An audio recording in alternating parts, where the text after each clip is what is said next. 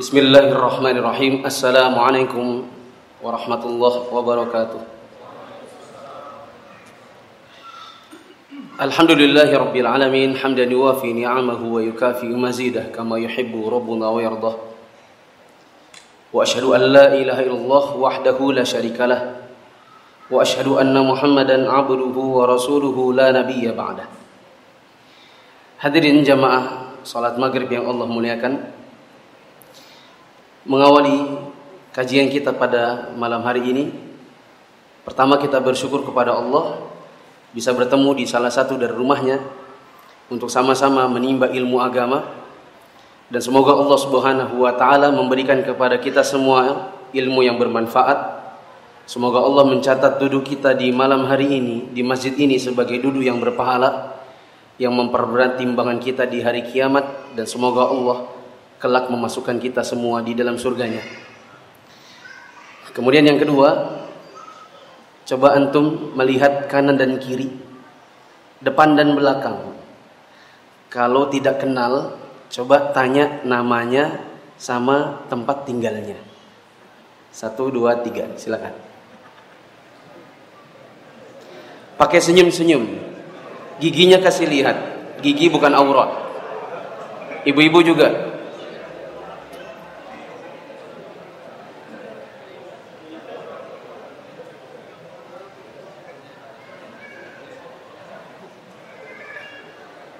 Ibu-ibu juga ya?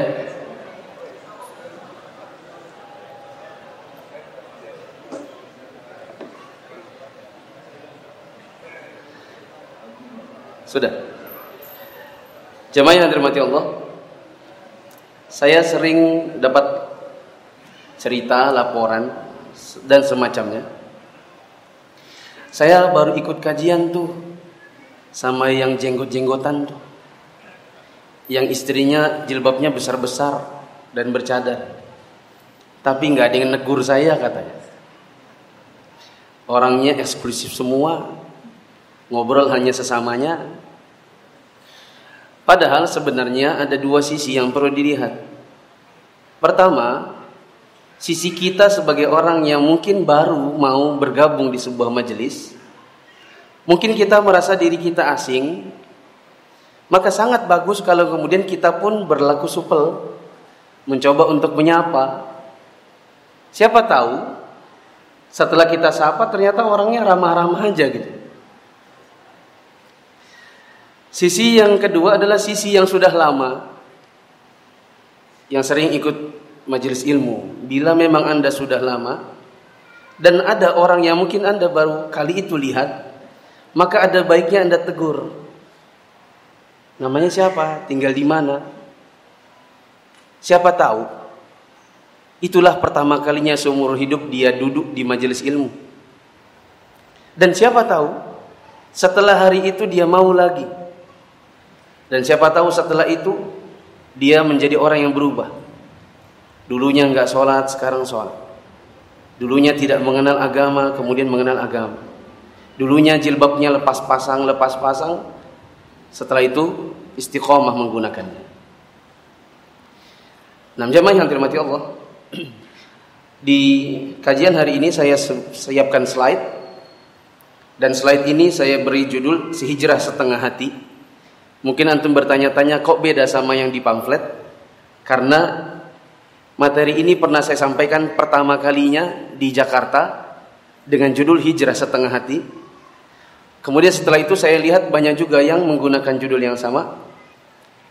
Ya, kemudian di malam hari ini inilah malam kedua saya sampaikan materi ini. Saya beri judul yang lain tapi belum sempat ganti slide-nya. Yaitu setengah hijrah, setengah sunnah. Oh iya, kita bikin perjanjian dulu. Kalau saya misalnya bertanya dan jamaah tahu jawabannya, mohon bisa menjawab. Sepakat? Nah ini kan tahu nggak jawabannya? Sepakat? Supaya gini, kalau saya bertanya dan jamaah menjawab dengan jawaban yang benar, berarti materi yang saya sampaikan jamaah bisa terima dan jamaah memang memahami apa yang saya bicarakan. Tapi kalau kelihatan tidak paham, maka saya akan mengulang materi tersebut. Karena di dalam sebuah penyampaian yang paling diharapkan adalah jamaah itu memahami. Untuk mempersingkat waktu, mari kita lihat slide-slide apa yang saya buat. Semoga bisa kelihatan.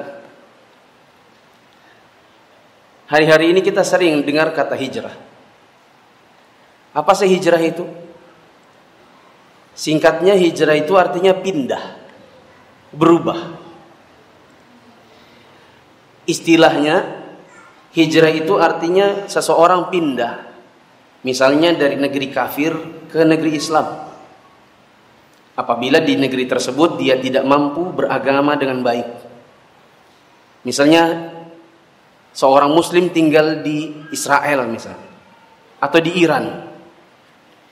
Di sana dia tidak mampu beragama dengan agama yang dia yakini maka dia hijrah ke tempat yang lain seperti pindah ke negeri yang lain yang di sana dia bisa menjalankan agamanya. Ini namanya hijrah. Hijrah juga bisa berarti berubah dari seorang pelaku maksiat menjadi pelaku menjadi seseorang yang taat. Hijrah juga berarti seseorang berubah menjadi pribadi yang lebih baik dari sebelumnya. Hijrah itu wajib jamaah. Baik secara tempat maupun kepribadian. Apabila seseorang tinggal di sebuah tempat dan di sana dia tidak bisa beragama, maka dia hendaknya pindah ke tempat yang lain. Bisa jadi wajib juga untuk berhijrah secara pribadi. Apabila dahulu seseorang tidak taat beragama, maka hukumnya wajib bagi dia untuk menjadi seseorang yang baru. Apa dalil wajibnya? Firman Allah Subhanahu wa taala di surat Az-Zariyat ayat 56. Allah mengatakan, "Wa ma khalaqatul jinna wal insa illa liya'budun." Dan aku tidak menciptakan jin dan manusia kecuali dalam rangka untuk menyembahku. Maka seseorang berpindah dari pribadi yang tak pernah menyembah Allah menjadi menyembah Allah. Allah Subhanahu wa taala juga mengatakan Ayah sabul insanu ayyutroka sudah. Apakah manusia itu mengira bahwa dia akan dibiarkan saja tidak dimintai pertanggungjawaban di hari kiamat? Ini menjadi petunjuk bagi kita bahwa kalau kita seseorang yang selama di dunia ini tidak beribadah kepada Allah, maka harus hijrah. Kalau Anda belum sholat lima waktu, berubahlah mulai malam ini. Karena siapa tahu Anda wafat besok. Tidak seorang pun dari kita yang tahu kapan dia wafat. Nabi SAW mengatakan kulubna Adam khatta wa khadal khatta'in tawwabun. Setiap manusia itu banyak berbuat salah. Nabi SAW mengatakan di sini khatta bukan khata kalau khotok artinya salah. Kalau khotok berarti banyak salah. Coba kita ingat-ingat sama-sama. Berapa dosa kita? Nggak terhitung mungkin. Dosa bohong, dosa dosa mungkin ada dosa zina, dosa dusta, dosa riba, dosa melawan orang tua, dosa mencuri, dosa pacaran, dosa mencontek, dosa curang, dan lain-lain. Karena kita banyak salah, maka Nabi mengatakan yang paling baik dari semua yang pernah salah dan banyak salah itu adalah orang-orang yang mau bertaubat. Ini adalah dalil kita diperintahkan untuk berhijrah. Kalau orang hijrah terus dikasih apa? Ganjarannya adalah sebagaimana dalam firman Allah. Qul ya ibadiyalladzina asrafu ala anfusihim la taqnatu min rahmatillah. Inna Allah yaghfiru dzunuba jami'a. Allah katakan wahai hamba-hambaku yang pernah melampaui batas dirinya. Janganlah kalian berputus asa. Sesungguhnya Allah mengampuni dosa-dosa semuanya. Artinya kalau seseorang dahulunya banyak berbuat dosa. Dulunya adalah pezina. PSK. Pelaku riba. Suka melawan orang tua dan segala dosa yang banyak yang besar bahkan hatta syirik sekalipun Kalau memang akhirnya kita bertaubat darinya, insya Allah Allah akan ampuni semuanya. Dan jangan takut. Karena Allah yang mengatakan demikian. Allah akan ampuni dosa-dosa semuanya selama hayat masih dikandung badan. Jamaah yang dirahmati Allah Subhanahu wa taala, bagaimana supaya hijrah diterima? Jawabannya adalah sebagaimana Allah katakan. Dalam firman-Nya di surat At-Tahrim ayat 6. Ya ayyuhalladzina amanu tubu ila Allah tubu ila Allah taubatan nasuha. Wahai orang-orang yang beriman bertaubatlah kalian kepada Allah dengan taubat yang sesungguhnya taubat nasuha ini adalah dalil kalau kita mau hijrah kita diterima berarti harus totalitas di dalam hijrah tersebut dan tidak bisa setengah-setengah. Orang di zaman ini kenal istilah hijrah. Makanya kita dengar ada artis dulunya penyanyi. Terus berubah menjadi artis hijrah. Yaitu hijrah dari band rock menjadi band islami. Ada artis hijrah yang dulunya main sinetron tanpa hijab, sekarang main film dengan hijab. Jadi hijrah. Versi mereka adalah sekarang seperti ganti casing. Dulunya karena nyanyi solo tapi nggak laku, genrenya sudah tidak diminati oleh oleh masyarakat Indonesia, ganti ke genre uh, religi. Kalau dulu misalnya pakai topi koboi, sekarang pakai sorban. Kalau dulu main filmnya misalnya buka-bukaan aurat, sekarang main filmnya harus yang berjilbab. Ini yang saya katakan orang sekarang banyak tahu hijrah. Tapi mereka belum mengenal tentang hijrah yang sebenarnya. Dan mereka tidak tahu bagaimana hijrah yang seharusnya supaya hijrah tersebut diterima. Pada kesempatan hari ini saya coba mencontohkan beberapa model hijrah yang dikenal oleh masyarakat yang seharusnya dan saya beri contoh bagaimana yang cuma setengahnya. Bukan dalam rangka menyindir siapa-siapa, tapi siapa tahu kita sedang berproses untuk menjadi pribadi yang lebih baik. Tapi ada hal-hal yang mungkin membuat hijrah kita menjadi setengah-setengah. Pertama, hijrah yang harusnya dilakukan seseorang adalah pertama kali hijrah dari syirik. Menjadi seseorang yang bertauhid. Sebagaimana firman Allah Subhanahu wa taala, "Innallaha la yaghfiru ay yushraka bihi wa yaghfiru wa yaghfiru ma duna dzalika liman yasha.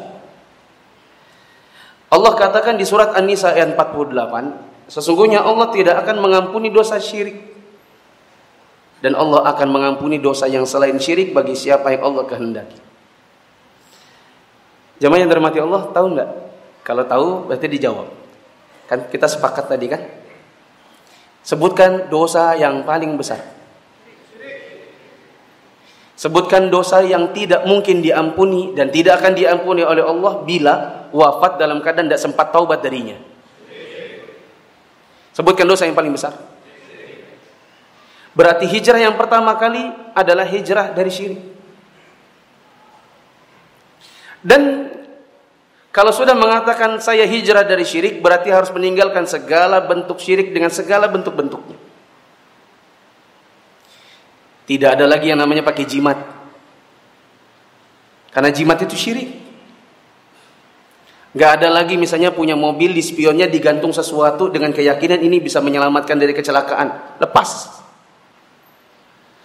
Tidak ada lagi kata-kata misalnya ini punya warung atau punya toko, di ujung-ujung tokonya ada kain-kain putih atau botol-botol kerating deng yang diisi dengan lembaran Quran. Dengan keyakinan ini bisa mendatangkan pengunjung. Lepas. Kalau hijrah sudah mengatakan diri hijrah dari syirik total, maka harus lepas semuanya. Dan setelah itu gantungkan semua bentuk rezeki, jodoh, kebaikan, kematian semua kepada siapa? Kepada Allah. Ada sebagian orang yang hijrahnya cuma setengah hati. Maaf. Ini adalah termasuk di antara Dalil kenapa syirik itu dosa yang paling besar. Surat Al-Anbiya ayat 98. Innakum wa ma ta'buduna min dunillahi hasabu jahannam antum laha waridun. Sesungguhnya kamu dan apa yang kamu sembah selain Allah, kalian semua adalah umpan jahanam. Kalian pasti masuk ke dalamnya. Orang yang berbuat syirik tempatnya di neraka jahanam. Kalau wafat tidak sempat taubat, maka tempatnya di dalam neraka jahanam itu selama-lamanya. Maka jangan pernah kita hijrah dari syirik ini setengah hati. Contoh yang setengah hati sebagaimana yang ada di slide. Orang hijrah setengah hati itu mau hijrah dari syirik tapi tetap ikut adatnya syirik meskipun itu diajarkan nenek moyang. Sebagian orang ada yang mau hijrah tapi nggak bisa meninggalkan adat nenek moyang.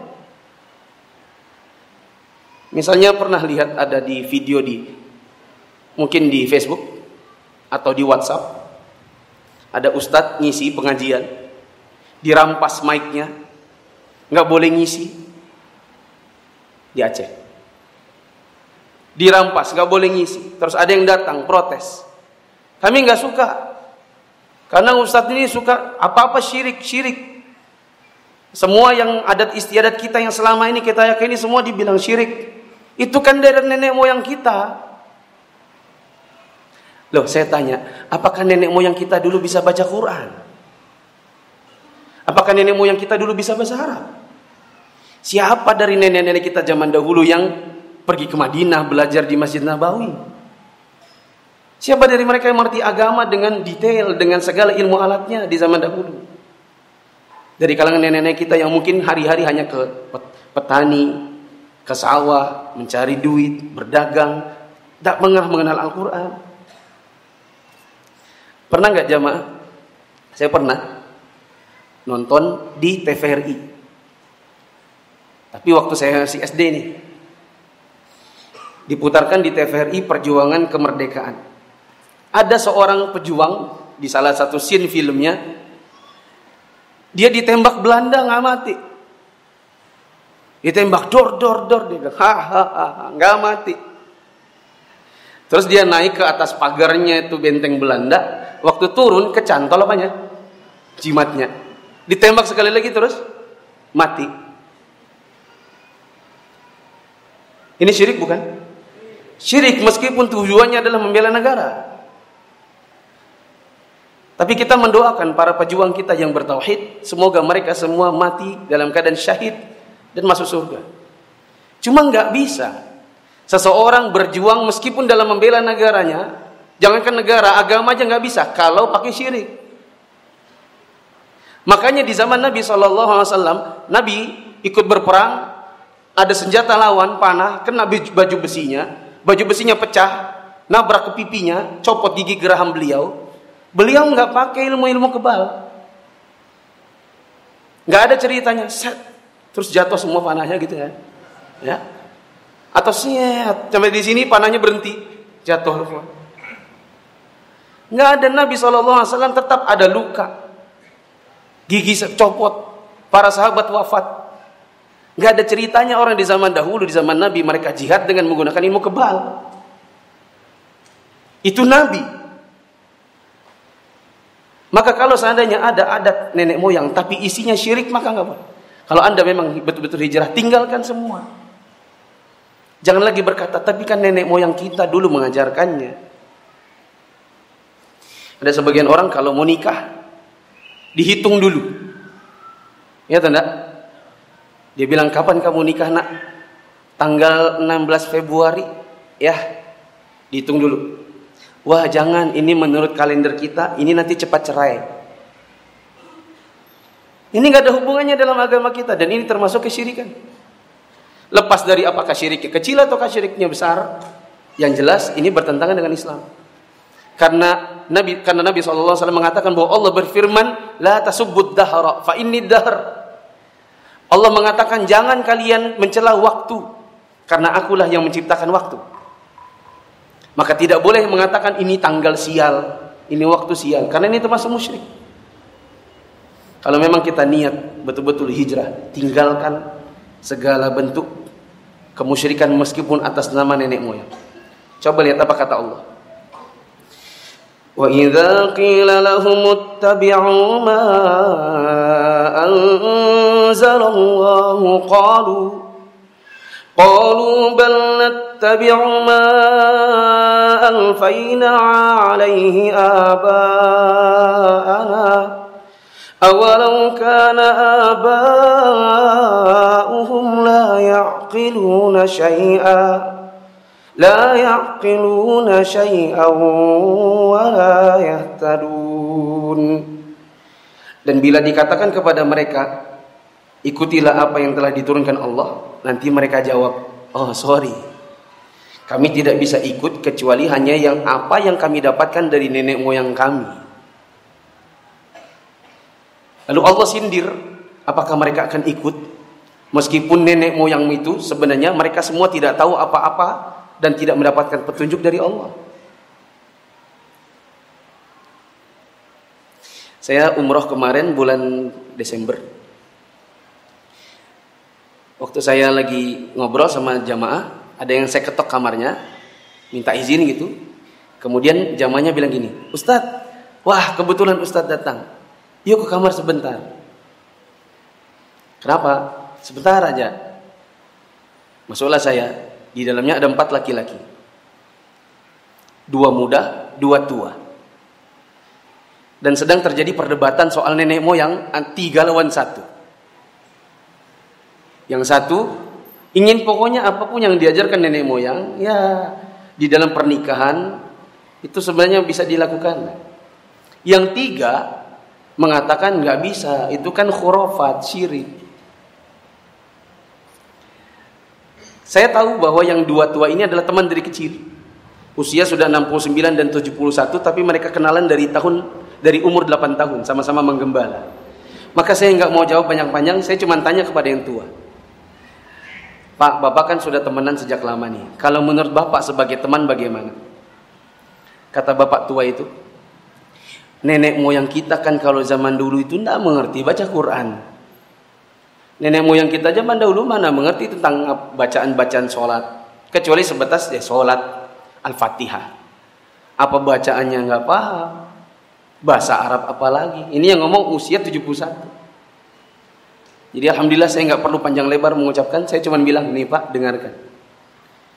Bahwa nenek moyang kita zaman dahulu kalau kita mau pertahankan adatnya Sementara mereka dahulu tidak mengerti agama. Sama dengan yang Allah bilang di surat Al-Baqarah ayat 170 ini. Kedua adalah hijrah dari kekafiran. Kalau memang mau hijrah dari kekafiran, misalnya dahulu adalah orang Nasrani, kemudian ingin masuk ke dalam Islam, maka Anda harus hijrah secara total. Bagaimana bentuknya? eh, maaf, untuk orang-orang kafir itu Allah sindir. Di surat Al-Hijr ayat 2. Rubama yawaddu alladhina kafaru law kanu muslimin. Orang-orang yang kafir itu sering kali nanti di akhirat mereka ingin seandainya saja dulu waktu dulu di dunia mereka semuanya muslim. Maka kalau Allah bilang orang kafir nanti di hari kiamat nyesel Seandainya aja jadi orang muslim, maka janganlah kita jadi orang yang hijrah setengah hati dari kekafiran itu. Bagaimana bentuk hijrah setengah hati dari kekafiran? Pertama, masih mau mendoakan orang kafir yang sudah wafat. Di dalam Islam tidak boleh mendoakan orang kafir sudah wafat. Yang boleh adalah mendoakan orang kafir yang hidup dan didoakan supaya dia dapat hidayah. Meskipun itu adalah bapak kandung ibu kandung. Ayatnya cukup panjang. Intinya Nabi SAW dilarang oleh Allah untuk mendoakan Abu Talib yang wafat dalam kekafiran, meskipun paman yang dicintai. Karena itu sudah ketentuan Islam. Orang yang hijrah setengah hati dari kekafiran, Muslim tapi mau masih mau ikut hari rayanya orang kafir. Kita semua hafal ayat ini. Coba lanjutkan. Lakum dinukum waliyadin. Bagimu agamaku, bagimu agama, bagiku agamaku, bagimu agamamu. Aku muslim tak bisa ikut hari rayamu. Kalau ada muslim masih mau ikut, ada orang kafir di sebelah rumahnya, Natalan datang. Diundang makan-makan untuk hari raya, datang. Maka ini adalah hijrah yang setengah hati. Contoh hijrah setengah hati yang lain, tasyabbu dengan orang kafir. Nabi mengatakan, "Man tasyabbaha biqaumin fahuwa minhum." Siapa yang ikut-ikut dengan orang kafir, dia seperti mereka. Orang kafir bikin rambut gayanya seperti ini, diikutin. Botak sini, berambut sini, diikutin. Pakai jalan kutu di sini, di sini, diikutin. Digimbal, diikutin. Orang kafir menggelabang jenggot, diikutin. Orang kafir pakai fashion terbaru diikutin. Ini termasuk hijrah setengah. Hijrah ketiga adalah hijrah dari bid'ah. Yaitu mengada-ngada dalam agama. Kalau kita memang betul-betul ingin hijrah yang sesuai dengan sunnah, maka mau tidak mau, kalau kita tahu itu tidak ada tuntunannya, berarti harus tinggalkan. Suka tak suka. Karena Nabi SAW mengatakan, man amila amalan laisa alihi amruna fa Siapa yang beramal dan amalannya tidak ada tuntunan dari kami, maka amalannya ditolak. Maka yang namanya beramal tapi amalan tidak tidak ada tuntunan, jemaah, itu capek. Tapi nggak dapat pahala. Bayangkan jamaah lagi umroh. Semoga Allah berikan rezeki untuk semuanya bisa pergi umroh. Haji juga. Dikasih hotel tinggi kena lantai 20 eh nggak usah tinggi-tinggi lah 10 anggap aja hotelnya lagi padam listrik. Anggap saja hotelnya padam listrik. Kemudian nanya loh ini kok liftnya mati iya pak mohon maaf terpaksa naik tangga naik tangga satu dua tiga sampai sepuluh sampai di lantai sepuluh Lupa itu kunci masih dititip di resepsionis. Tepok jidat ya? Ya iyalah, ya, ya Allah, astagfirullah. Lupa lagi. Udah capek aku naik ke sini. Lupa pula itu kunci. Turun lagi. Itu ibarat orang beramal tapi nggak ada sunnah. Capek, kuncinya ketinggalan. Apa kunci amalan diterima? Kuncinya adalah ikhlas dan harus sesuai dengan sunnah. Ittiba, mutaba'ah. Sangat logika yang sangat mudah dipikirkan. Buat apa ada nabi kalau seandainya kita cara beragamanya nggak seperti nabi? Ada perbandingan yang mungkin mungkin pas, tapi yang nggak pas juga. Misalnya antum PNS, hari Jumat ada senam bersama depan kantor. Betul atau tidak? Karena nggak bisa ngarang sendiri model senamnya, maka panggil instruktur yang hafal bentuknya. Dikasih bayaran 200 ribu per Jumat. Panggil ibu-ibu. Karena ibu-ibu berarti nggak boleh ikutan senamnya. Nanti hilang hafalan. Karena kan ngeliatin ibu-ibu goyang-goyang dah. Dipanggil ibunya, dikasih panggung, diputarkan lagu senamnya, dia bergerak nih ke, ke, ke, ke kanan delapan kali, ke kiri delapan kali.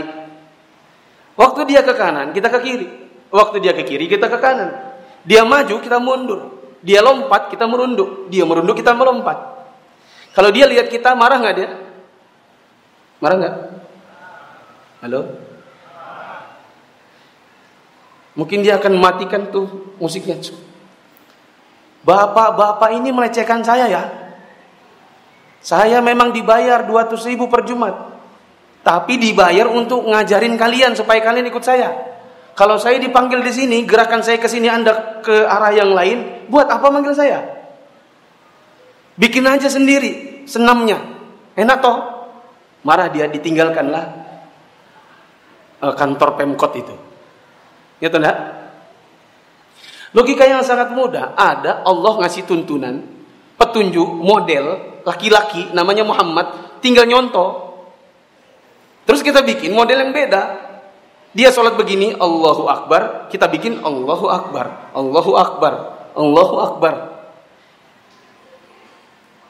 Dia Assalamualaikum warahmatullahi Assalamualaikum warahmatullahi Kita bikin Assalamualaikum Alhamdulillah Assalamualaikum Alhamdulillah Dia ngasihnya apa Kita bikin yang lain Itulah yang namanya Bid'ah ngada-ngada sendiri.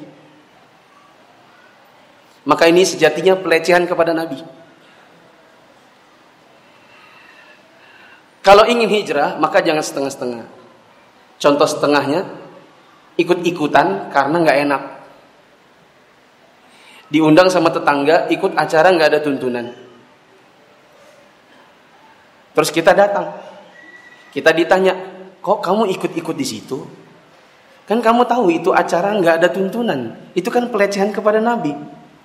Terus dia bilang, iya sih, tapi nggak enak sama tetangga. Itu namanya hijrah setengah. Karena kalau seandainya anda betul-betul total, maka nggak ada kata nggak enak sama tetangga.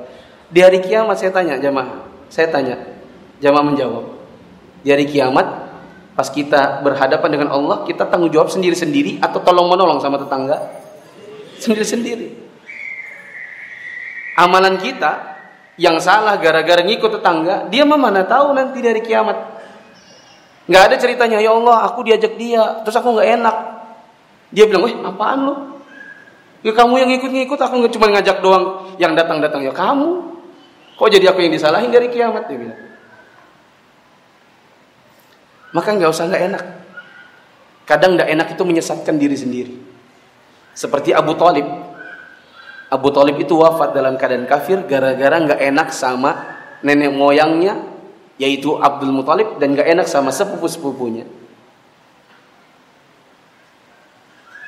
Hijrah tapi nggak sholat. Eh hijrah dari nggak sholat. Kalau dulu anda tidak sholat, maka sholatlah. Mau sampai kapan? Apa yang mau ditunggu sampai harus sholat itu? Mau nunggu tsunami dari pantai Kuta baru mau sholat. Mau nunggu masjid ini kena gempa baru mau sholat. Mau nih tiba-tiba bunyi semua berudak keruduk dan masjid ini sedikit demi sedikit runtuh semua atap-atapnya baru kita mau sholat. Mau tersapu ombak baru mau sholat. Hijrahlah dari tidak sholat. Karena Nabi SAW, karena Allah Subhanahu Wa Taala mengatakan wa aqimus sholat, dirikanlah sholat, datang dalam bentuk perintah, berarti perintah hukumnya wajib. Karena hukum asal dari perintah adalah wajib. Nabi SAW mengatakan amal yang pertama kali dihisap di hari kiamat adalah sholat. Sekarang alhamdulillah banyak yang sholat. Dulunya tidak sholat, sekarang sholat. Tapi ada yang setengah-setengah. Bagaimana bentuk setengahnya? Sholat tapi selalu ditunda. Sholat asarnya jam setengah enam. Sholat maghribnya setengah delapan. Sholat subuhnya jam tujuh. Orang pulang dari masjid baru bangun. Selalu ditunda, selalu terlambat. Teman kantornya bilang, ayo sholat. Tunggu, belum selesai. Dia main bola-bola di di laptopnya di kantor. Ya. Ayo sholat yuk, nanti tunggu dulu. Ada lagi yang futsal malam-malam. Kalau di sini ada nggak futsal malam-malam? Ada. Kapan mereka mulainya? Setelah sholat maghrib. Kapan sholat isya nya? Pulang nanti tengah malam baru sholat isya. Bahkan nanti tunggu dekat subuh. Dekat di Balikpapan itu ada lapangan bola. Sebelah lapangan bola itu masjid. Saya pernah mampir mau sholat asar, orang ikomat, mereka pemanasan. Orang selesai dari sholat, mereka mulai tanding. Kan kedengaran tuh prit-pritnya. Dan sorakan-sorakan penontonnya kan kedengaran tuh. Pertandingan bola berapa menit? 90. Kalau seandainya sampai 90 menit kosong-kosong, harus apa? Penalti-penaltian. Berapa penalti-penaltian? Ngaplah total 2 jam. Selesai sholat asar sampai ke maghrib 2 jam. Atau paling tidak dua setengah jam. Berarti anda cuma punya cukup setengah jam untuk sholat maghrib. Eh maaf, sholat asar. Sebelum maghrib. Belum keringatannya. Belum mandinya. Akhirnya jelang jelang maghrib baru sholat asar. Inikah anda hijrah? Begini yang namanya hijrah.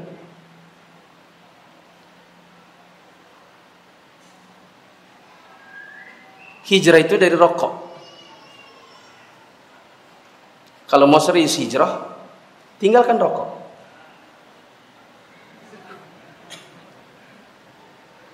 Ada lagi sebagian yang berjenggot tapi ngerokok.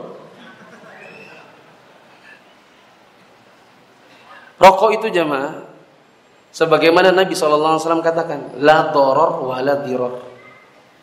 Tidak boleh menimpakan mudarat untuk diri sendiri dan orang lain. Saya tanya, jawab dengan jujur. Rokok memudaratkan diri sendiri ya? Sekalipun dokternya dokter tapi dan dia merokok dan dia bilang rokok itu jelek, ya, pasti dia tahu bahwa itu memudaratkan diri sendiri meskipun dokter, meskipun ngerokok. Rokok itu memudaratkan orang lain iya atau tidak? Karena asapnya dihembus. Gak ada orang merokok asapnya ditelan. Beda kalau gelek. Tapi semua orang itu kan? Belum lagi kalau di sebelah kita ada yang ini.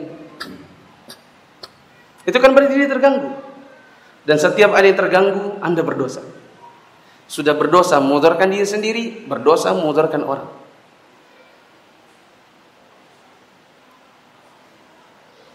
Saya pernah duduk-duduk di Masjid Nabawi di dekat pagar sama Ustadz Sofyan Baswedan, mungkin tahu. Ada laki-laki di situ di pagar Nabawi, dia ngerokok.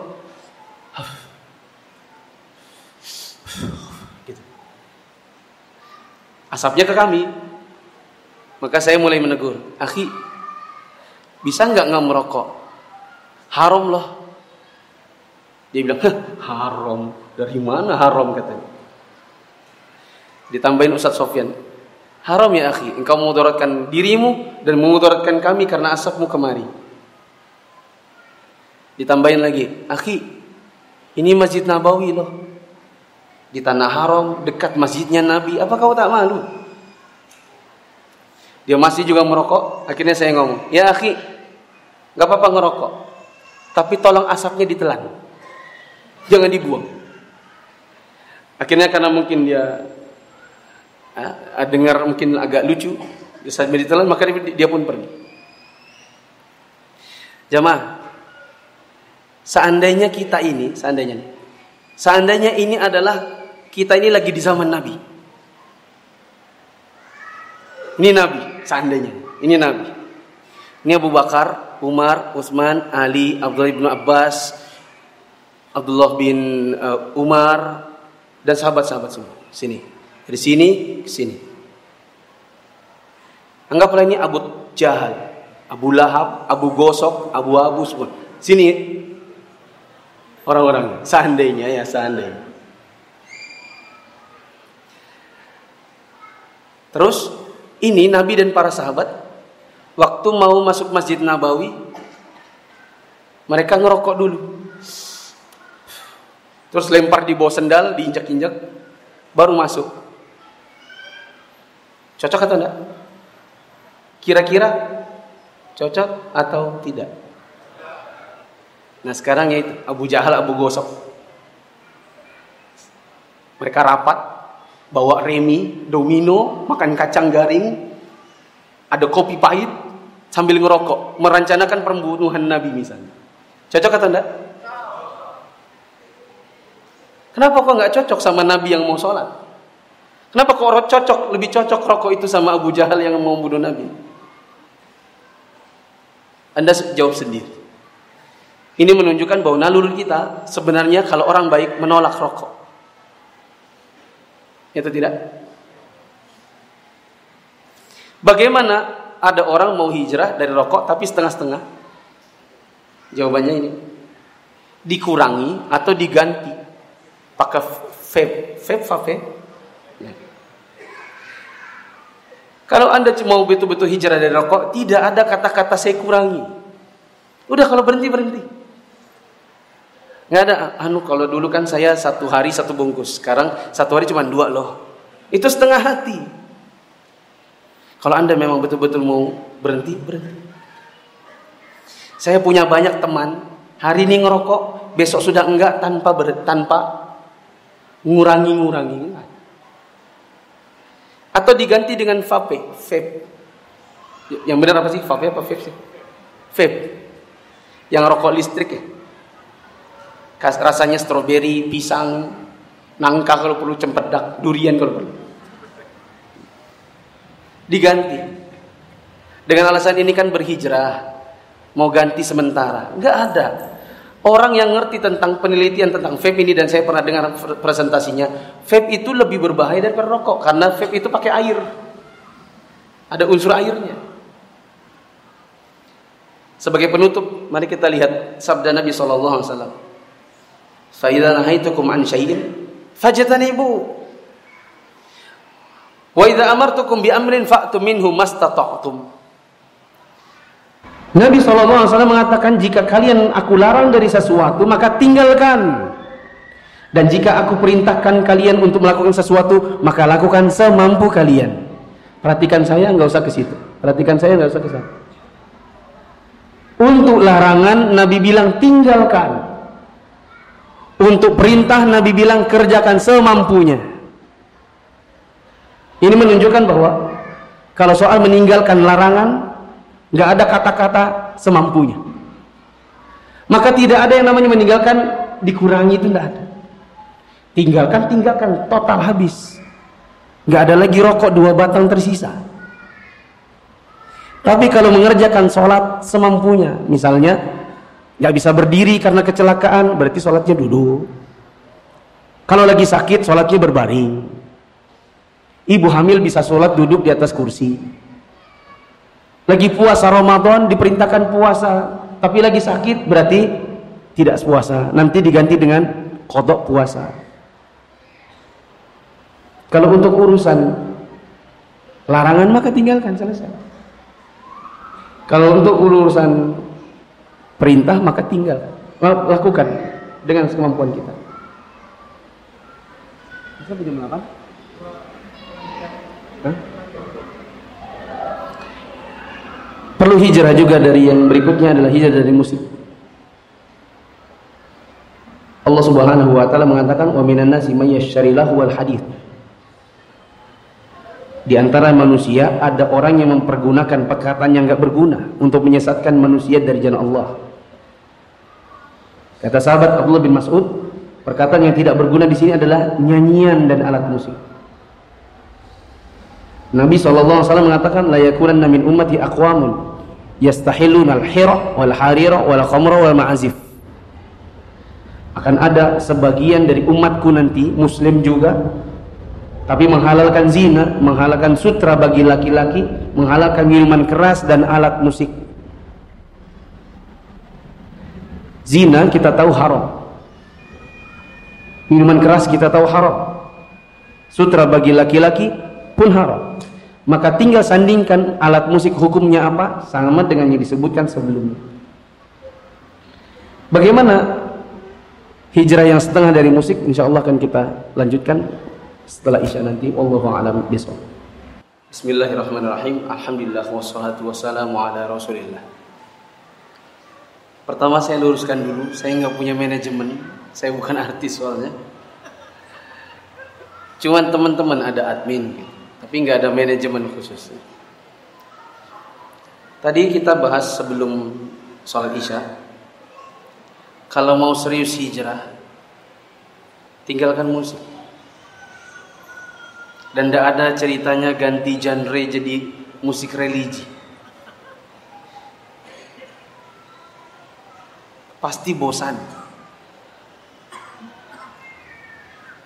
Bukti jeleknya musik adalah yang terkenal tahun ini antum makan bosan sebelum kemudian.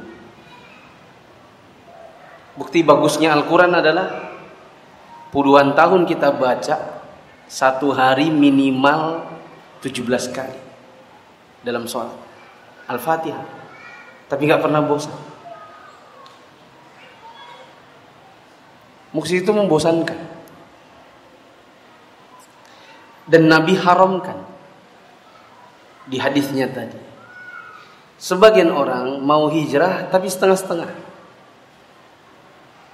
Untuk masalah musik ini maka hijrah setengah hatinya adalah mencoba mencari ustadz yang bolehkan. Cari-cari di YouTube. Wih, kayaknya bagus nih. Ya, haram lagi. Cari ah. Alhamdulillah boleh. Dengan dalil-dalil. Karena ketemu yang bolehin, lanjut. Apakah yang didengarkan musik religi saja? Enggak. Saya jamin. Apakah antum lagi apa tuh? Sabian, Sabian. Tahu Sabian? Ya. Lagi apa tuh? Viral. Antum dengerin itu aja? Oh, enggak. Saya jamin. Di dalam handphone antum kalau sudah ada lagu, tak jamin enggak cuman Sabian. Pasti ada yang lain.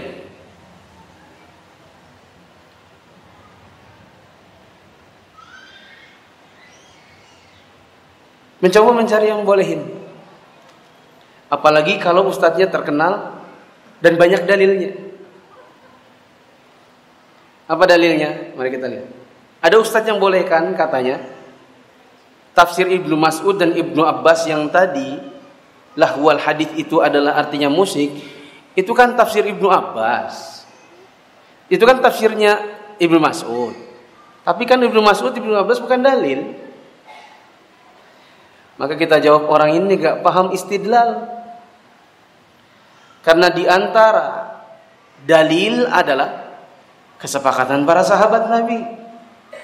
Apa dalilnya bahwa kesepakatan para sahabat Nabi adalah dalil? Dalilnya adalah perkataan Nabi sendiri. Majtama'at ummati alat dolalah. Umatku maksudnya adalah yang hadir di zaman beliau. Siapa itu? Para sahabat tidak akan bersepakat kalau itu sesuatu yang sesat. Bila mereka menyepakati haramnya musik, maka itu dalil.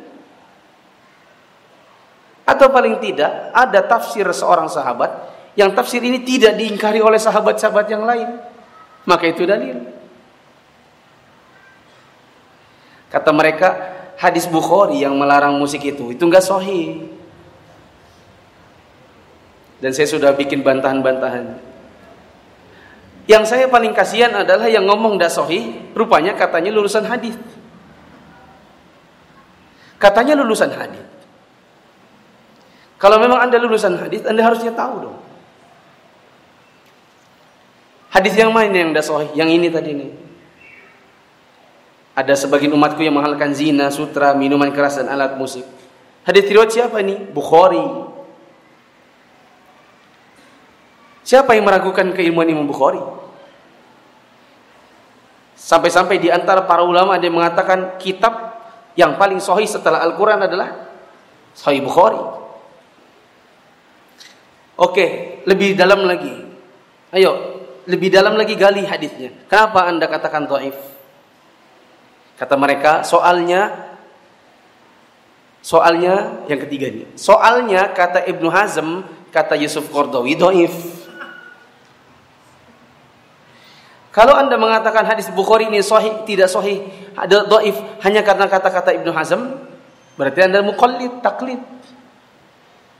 Kalau Anda memang ahli hadis harusnya Anda gali. Kenapa mereka katakan dhaif? Saya tahu jawabannya. Dikatakan oleh Ibnu Hazm sebagai hadis yang dhaif karena Imam Bukhari meriwayatkannya secara muallak, putus sanatnya. Dari siapa ke siapa? Dari Bukhari ke Ammar Hisham ibnu Ammar. Coba anda baca kitab-kitab para ulama yang membahas masalah hadis ini. Mereka katakan Hisham ibnu Ammar, gurunya Imam Bukhari. Bagaimana seorang murid dikatakan putus sanatnya dari seorang guru yang dia ketemu langsung?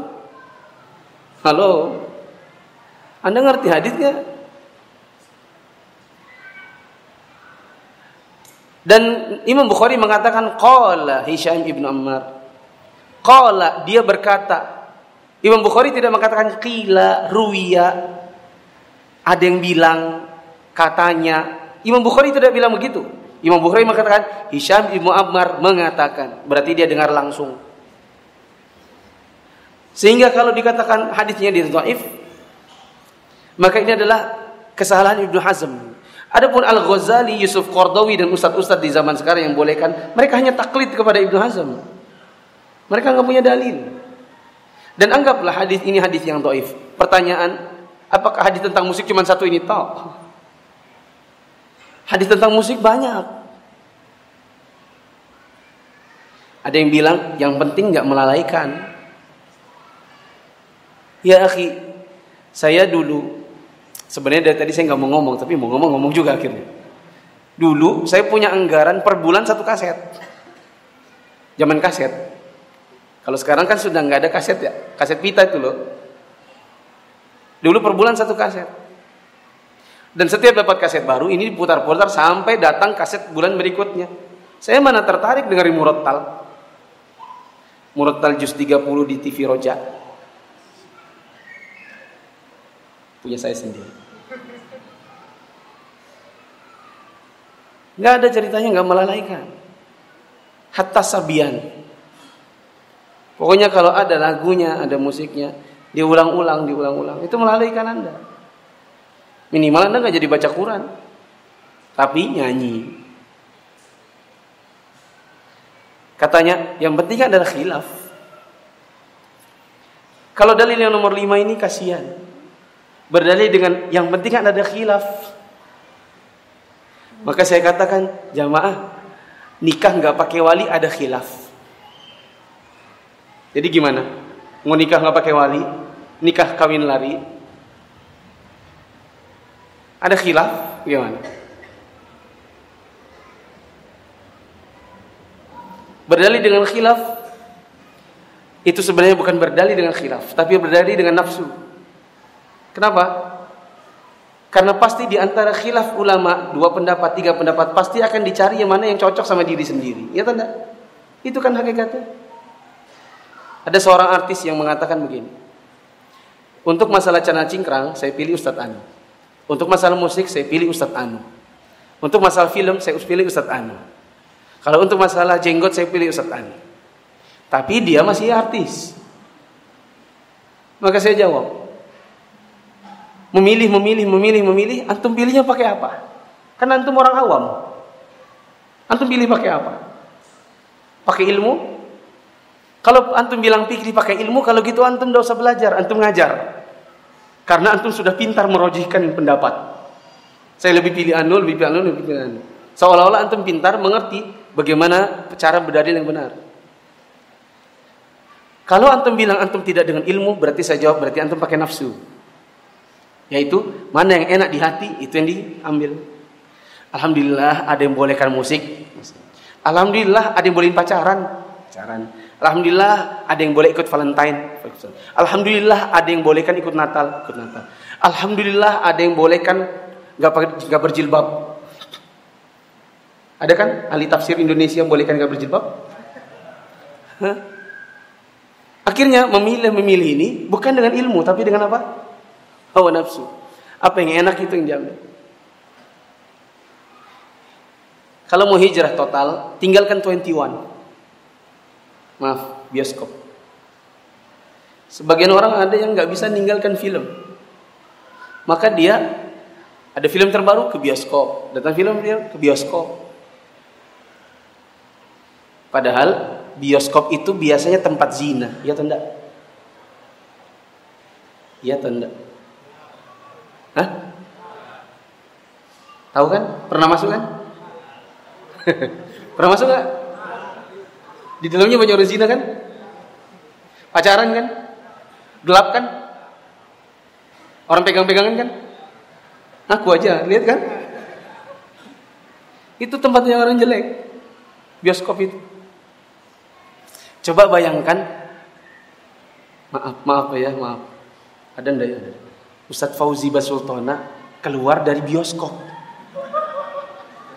Antum ketemu Ustadz. Wih dari mana? Aduh, 21 akhi. Gimana kira-kira? Antum kalau misalnya itu bisa begini, kasih dislike jempol ke bawah atau like jempol ke atas? Mantap Ustaz, gitu? Film apa Ustaz? Anu, film Ayat, ayat cinta 4. Oh, mantap. Gitu? Atau antum Ustaz, Ustaz. Yang mana yang benar? Like atau dislike? Kalau seandainya pas ustadznya kemudian khutbah Jumat, itu kejadian hari Ahad. Jumat berikutnya dia khutbah Jumat. Antum lihat dia, gitu kan? Ustadz nonton 21 apaan? Gitu kan? Itu menunjukkan orang soleh gak cocok di tempat begituan. Bioskop itu gak cocok buat jenggot. Apalagi bercadar. Nonton bioskop berduaan sama suaminya. Di sebelah-sebelahnya orang pacaran, berpelukan, berciuman. Sebagian orang yang ada yang gak bisa ninggalkan gitu.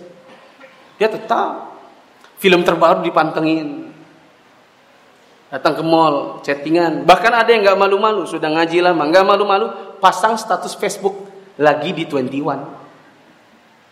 Ada satu orang yang saya peringatkan dua kali. Saya unfriend dua kali dari Facebook. Dia bilang mohon maaf Ustaz, mohon maaf Ustaz. Akhi, antum nggak perlu minta maaf sama anak karena bagian anak penting. Antum minta maaf sama Allah. Dan kenapa saya antum saya uh, apa? unfriend? Karena karena ketika antum nonton sendiri di kamar itu urusan antum dengan Allah. Tapi ketika sudah masuk ke dalam status dan antum berteman dengan saya, itu saya merasa antum ngajak saya. Nah, klik linknya. Nanti kamu bisa lihat di link bisa di-download filmnya. Saya nggak mau. Karena antum ngajak-ngajak saya yang jelek, saya tinggalkan antum, saya unfriend. Dan sampai sekarang sudah saya unfriend. Karena habis di unfriend bilang maaf, friend lagi. Habis itu unfriend lagi, friend lagi. Sekarang sudah bisa. Pokoknya unfriend total. Ada sebagian orang yang pengen hijrah tapi bioskop bisa ditinggalkannya. Caranya lihat yang setengah ini. Cari ustadz yang bolehkan. Lagi. Aduh kok ustadz yang bolehin? Itu ustadznya aja tuh yang sok-sok sunnah sendiri dia aja tuh yang apa-apa haram, semuanya haram.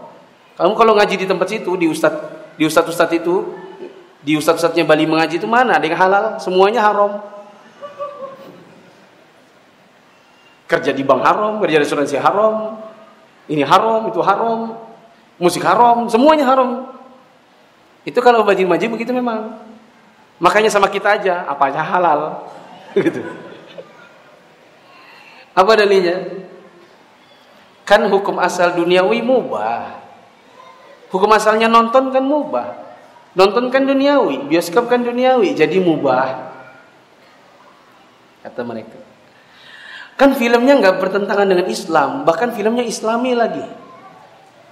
Itu aja pemainnya semua harus tes dulu baca Quran. Jadi main film tes apa? Baca Quran. Yang mau tes pergi masuk pesantren.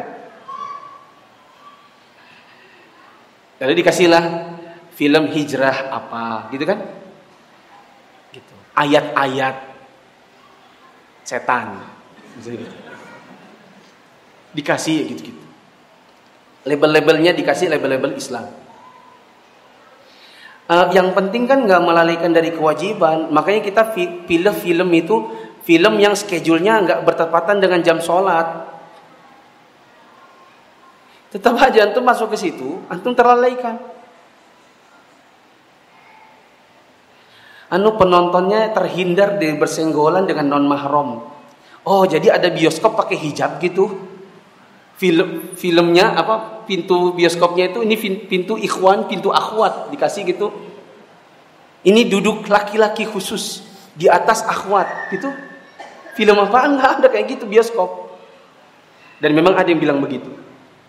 Di antaranya saya baca ini adalah fatwanya Yusuf Qardawi boleh asalkan penontonnya terhindar dari bersenggolan dengan non mahram halo di mana ada begitu hijrah, kalau mau hijrah, tinggalkan riba. Riba itu sebagaimana kata Allah. Alladzina ya'kuluna riba la yaqumuna illa kama yaqumu kama yaqumu alladhi yatakhabbathu asyaitanu minal mas. Orang yang makan riba nanti saat bangkit di hari kiamat dia tidak bisa berdiri dengan tegak melainkan seperti berdirinya orang yang kerasukan setan lantaran penyakit gila. Ini satu ayat. Orang yang makan riba nanti di hari kiamat di dalam kuburnya dia disiksa dengan direndam di sungai darah. Allah Subhanahu wa taala mengatakan yamhaqullahu riba. Kalau orang menumpuk harta pakai riba akan dihapuskan oleh Allah. Yang dihapuskan dua, kalau tidak dihapuskan fisiknya, dihapuskan keberkahannya. Sehingga kalau dipakai buat ibadah, hasil dari riba dipakai buat haji atau umroh, maka haji dan umrohnya tidak diterima. Nabi SAW mengatakan tidaklah seseorang menumpuk kekayaan dengan jalan riba, melainkan ujungnya nanti miskin juga. Itu kalau dari riba. Maka tinggalkan.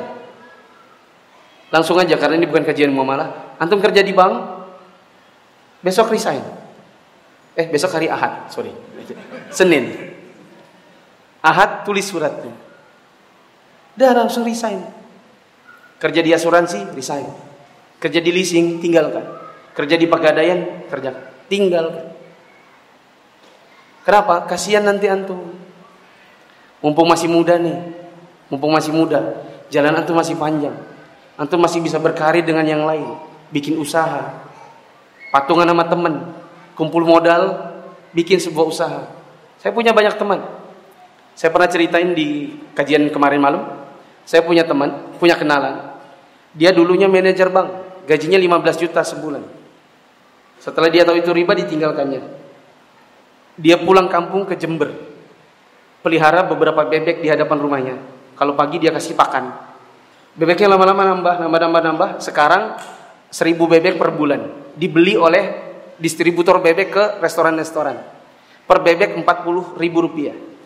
Yang dipanen per 35 hari. Jadi per 35 hari dia punya duit berapa? 40 juta.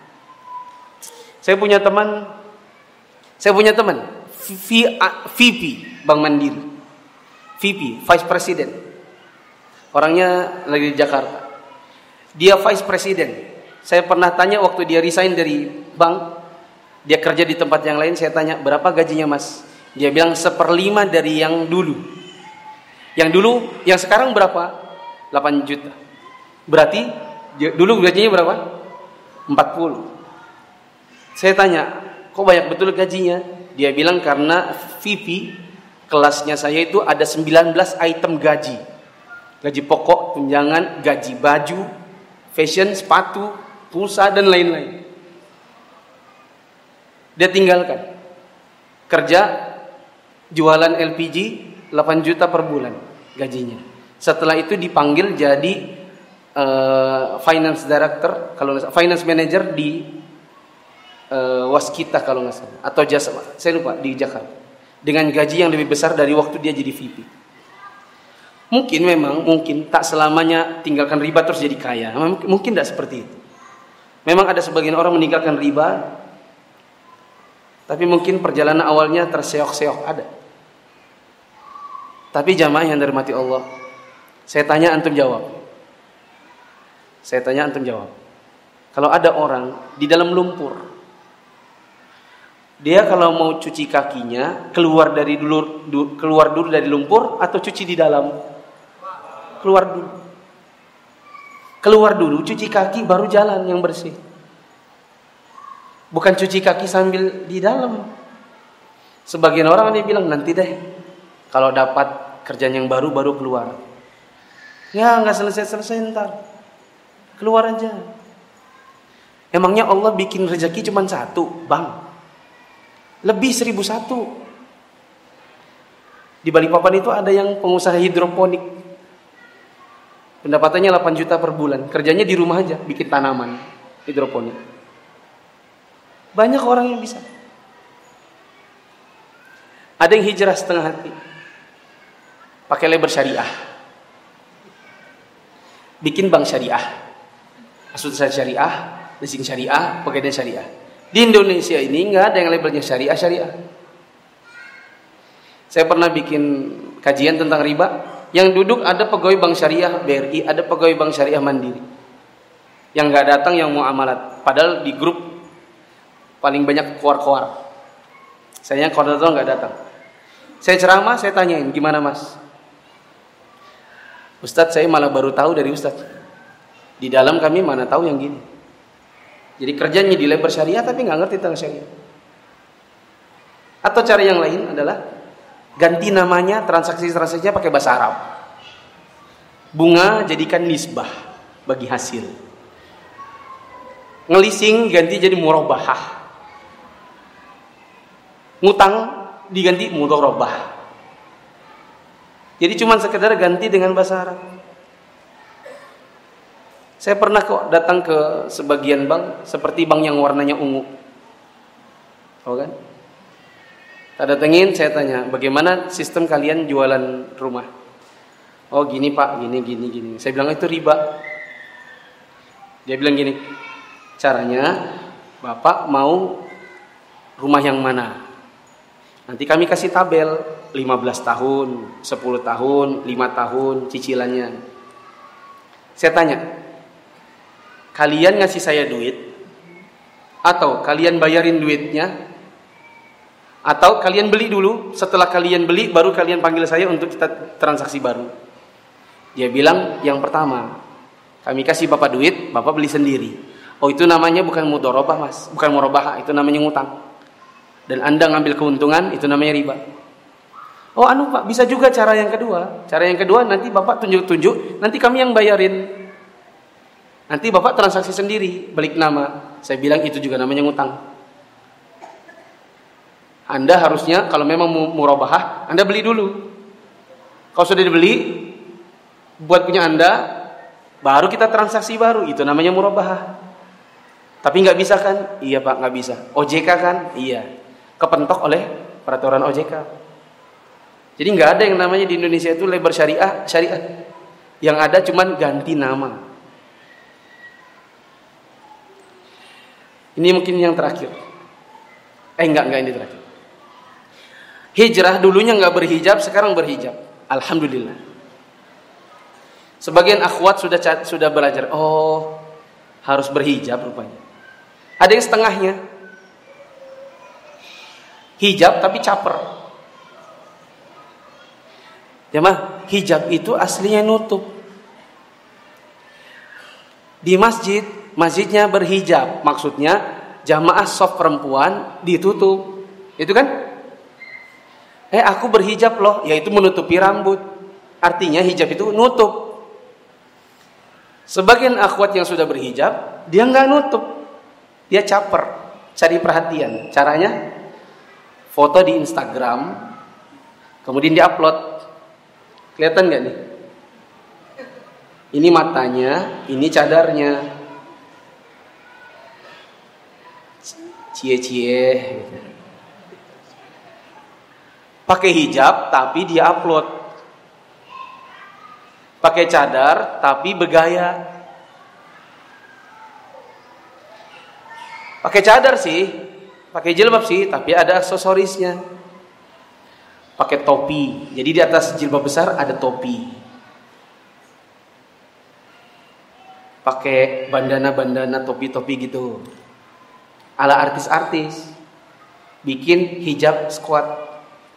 Cadar squat. Arisan sana, arisan sini. Foto-foto kayak gini. He, he,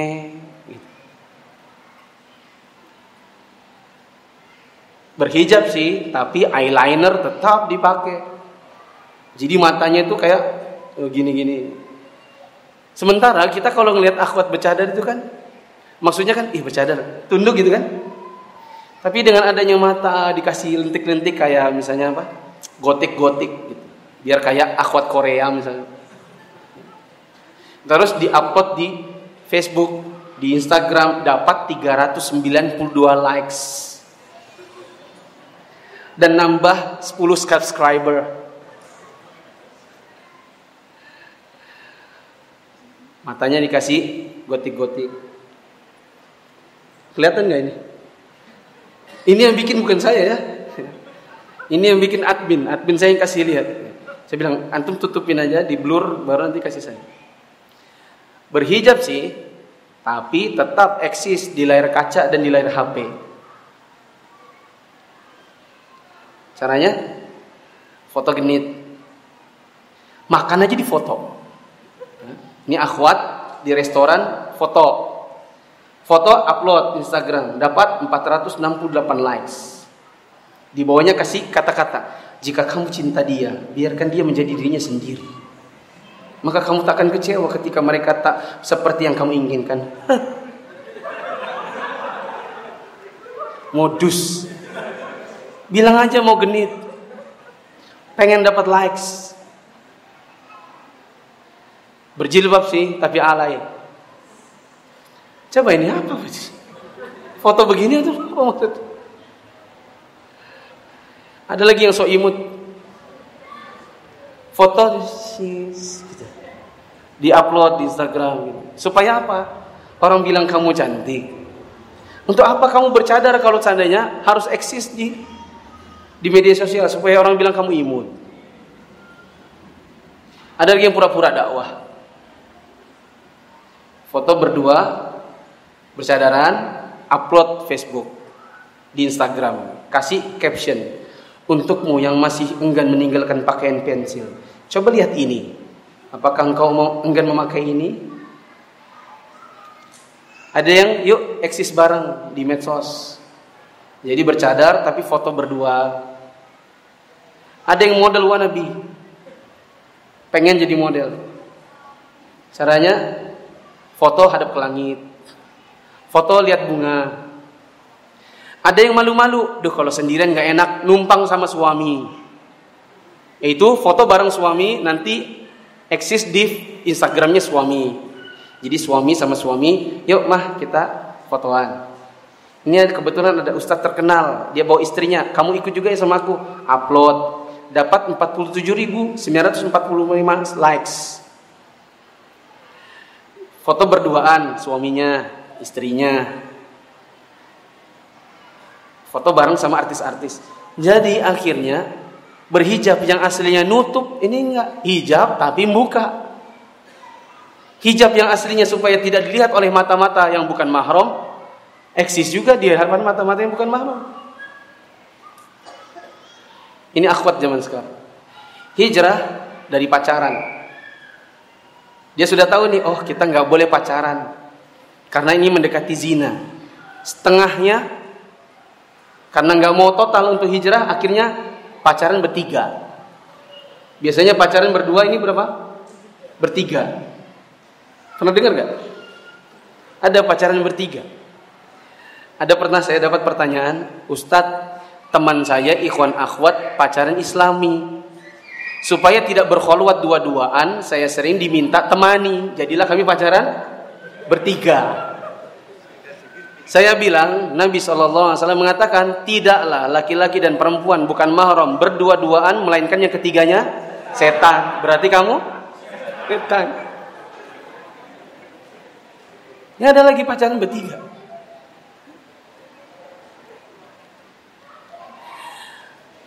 Ada juga yang jadi husband double celebrant. Maksudnya Memang sih meninggalkan pacaran, tapi ada sebagian akhwat itu meninggalkan pacaran tapi nggak bisa jaga diri dari laki-laki laki-laki yang memang terkenal dan cakep-cakep di Instagram.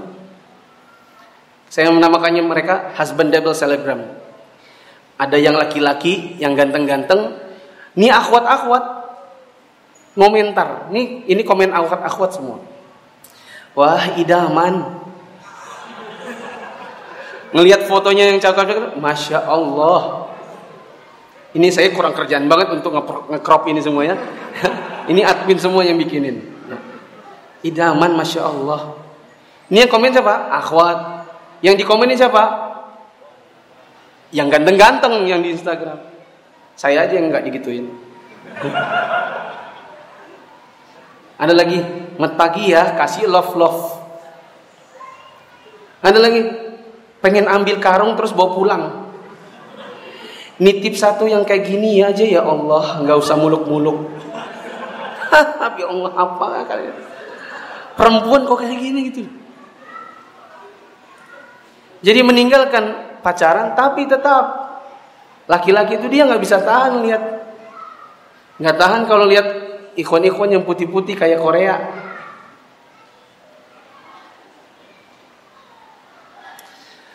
Nah gitulah ibaratnya kalau zaman sekarang orang ngerti hijrah tapi ya gitu deh. Ini penutup bagaimana supaya hijrah istiqomah. Satu, niatnya. Anda niat mau ngapain? Kalau niatnya ikhlas karena Allah, harusnya yang setengah-setengah tadi tinggalkan sudah. Contoh niat yang gak ikhlas karena Allah, misalnya saya bilang, ada artis tadinya main film tapi karena nggak laku akhirnya ganti menjadi film Islami. Ternyata di masyarakat lebih laku. Dulunya musik pop rock tapi nggak laku. Ganti ke musik Islami supaya laku. Akhirnya niat ganti hijrahnya cuma niat buat laku.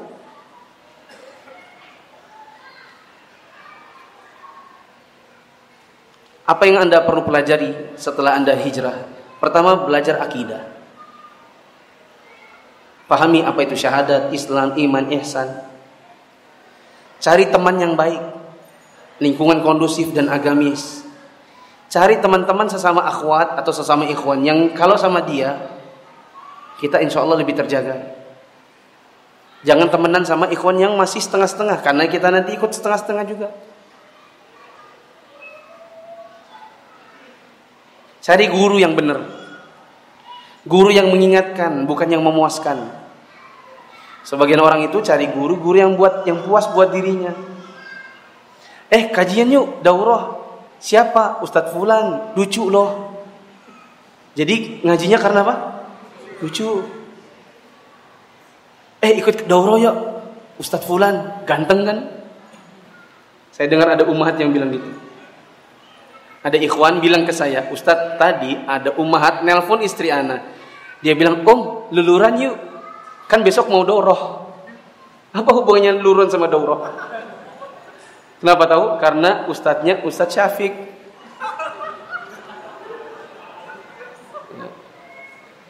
Ya apa? Atau mau cari apa? Karena ustadznya ganteng, perlu luluran begitu. Cari yang punya kapasitas untuk mengajar.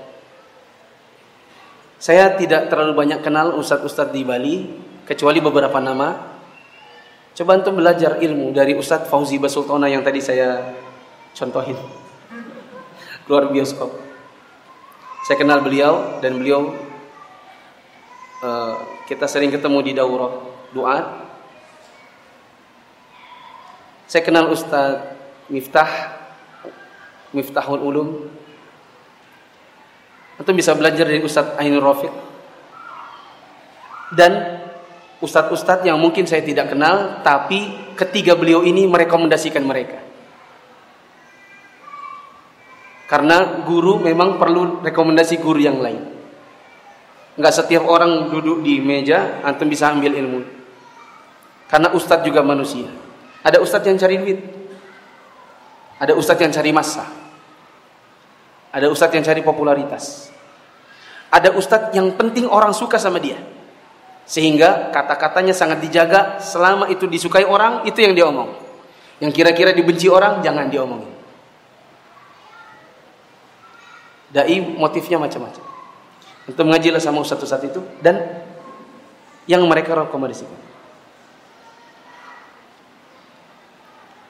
Tetaplah beramal, continue meskipun sedikit. Ini supaya istiqomah. Meskipun sedikit, tapi continue. Kajian antum nggak harus setiap hari. Dari seluruh kajian yang ada sepanjang minggu, antum bisa pilih, misalnya anggaplah empat. Continue di ini saja. Atau mungkin antum sibuk hanya dapat dua hari Sabtu Ahad. Ya udah, meskipun sedikit yang penting continue. Jangan yang nunggu daurah baru datang, daurah baru datang. Daurah ini cuma nambah-nambah saja. Ilmu yang betul-betul taksil antum dapat dari kajian rutin yang pakai kitab. Banyak-banyak berdoa. Doa supaya Allah memberikan keistiqomahan. Dan supaya Allah memberi kita tahan dari godaan. Kapan hijrah? Langsung, jangan lama-lama. Mulai hari ini. Allah bilang wasari'u ila maghfirati min rabbikum wa. Bersegeralah kamu kepada ampunan Tuhanmu dan juga surga. Mau nunggu kapan? Untuk teman-teman yang mungkin baru ikut pengajian atau mungkin belum hijrah sama sekali. Sholat masih bolong-bolong. Saya tanya, mau terus mau kapan? Untuk yang masih suka dengerin musik, kapan meninggalkannya? Untuk yang masih merokok, kapan? Untuk antum yang masih suka ke kafe, kapan berhenti? Yang suka masih ke karaoke, apa nggak bosan? Nunggu temziun atau nunggu dekat mati? Yang belum berhijab, kapan dipakai? Jangan nunggu lama-lama. Bersegeralah. Karena kita tidak tahu kapan ajal ini datang. Wallahu a'lam bishawab. Jamaah yang dirahmati Allah, sekarang sudah jam 9 lebih. Kalau ada kekurangan saya mohon maaf. Di sini ada banyak pertanyaan, tapi karena waktu tidak cukup, insya Allah ini besok saya serahkan ke panitia. Kan besok subuh kan ada kajian. Judulnya Aku Benci Guru. Fenomena ada orang nimba ilmu, setelah nimba ilmu benci sama yang diambil ilmunya. Itu besok subuh. Besok pagi bersama Ustadz Gusnu saya ada kajian bersama dan isinya cuma tanya jawab aja pembukaan sebentar, terus kami akan bahas kertas-kertas seperti ini. Di rumah antum bisa bikin kertas banyak-banyak, tanya aja. Apa yang kami tahu, kami jawab. Yang kami nggak tahu, yang nggak kami jawab. Antum mau tanya tentang Gojek, GoPay, OVO, kartu kredit, tentang sholat, tentang puasa, tentang akidah, tentang hukum-hukum. Apa yang kami tahu, insya Allah kami jawab. Kalau tidak tahu, antum bisa tanya kepada Ustadz yang karena sekarang waktu sudah tidak cukup, maka saya tutup. Wallahu a'lam bishawab. Mohon maaf kalau ada kekurangan. Subhanakallahumma wa bihamdika asyhadu an la ilaha illa anta astaghfiruka wa atubu ilaik. Wassalamualaikum warahmatullahi wabarakatuh.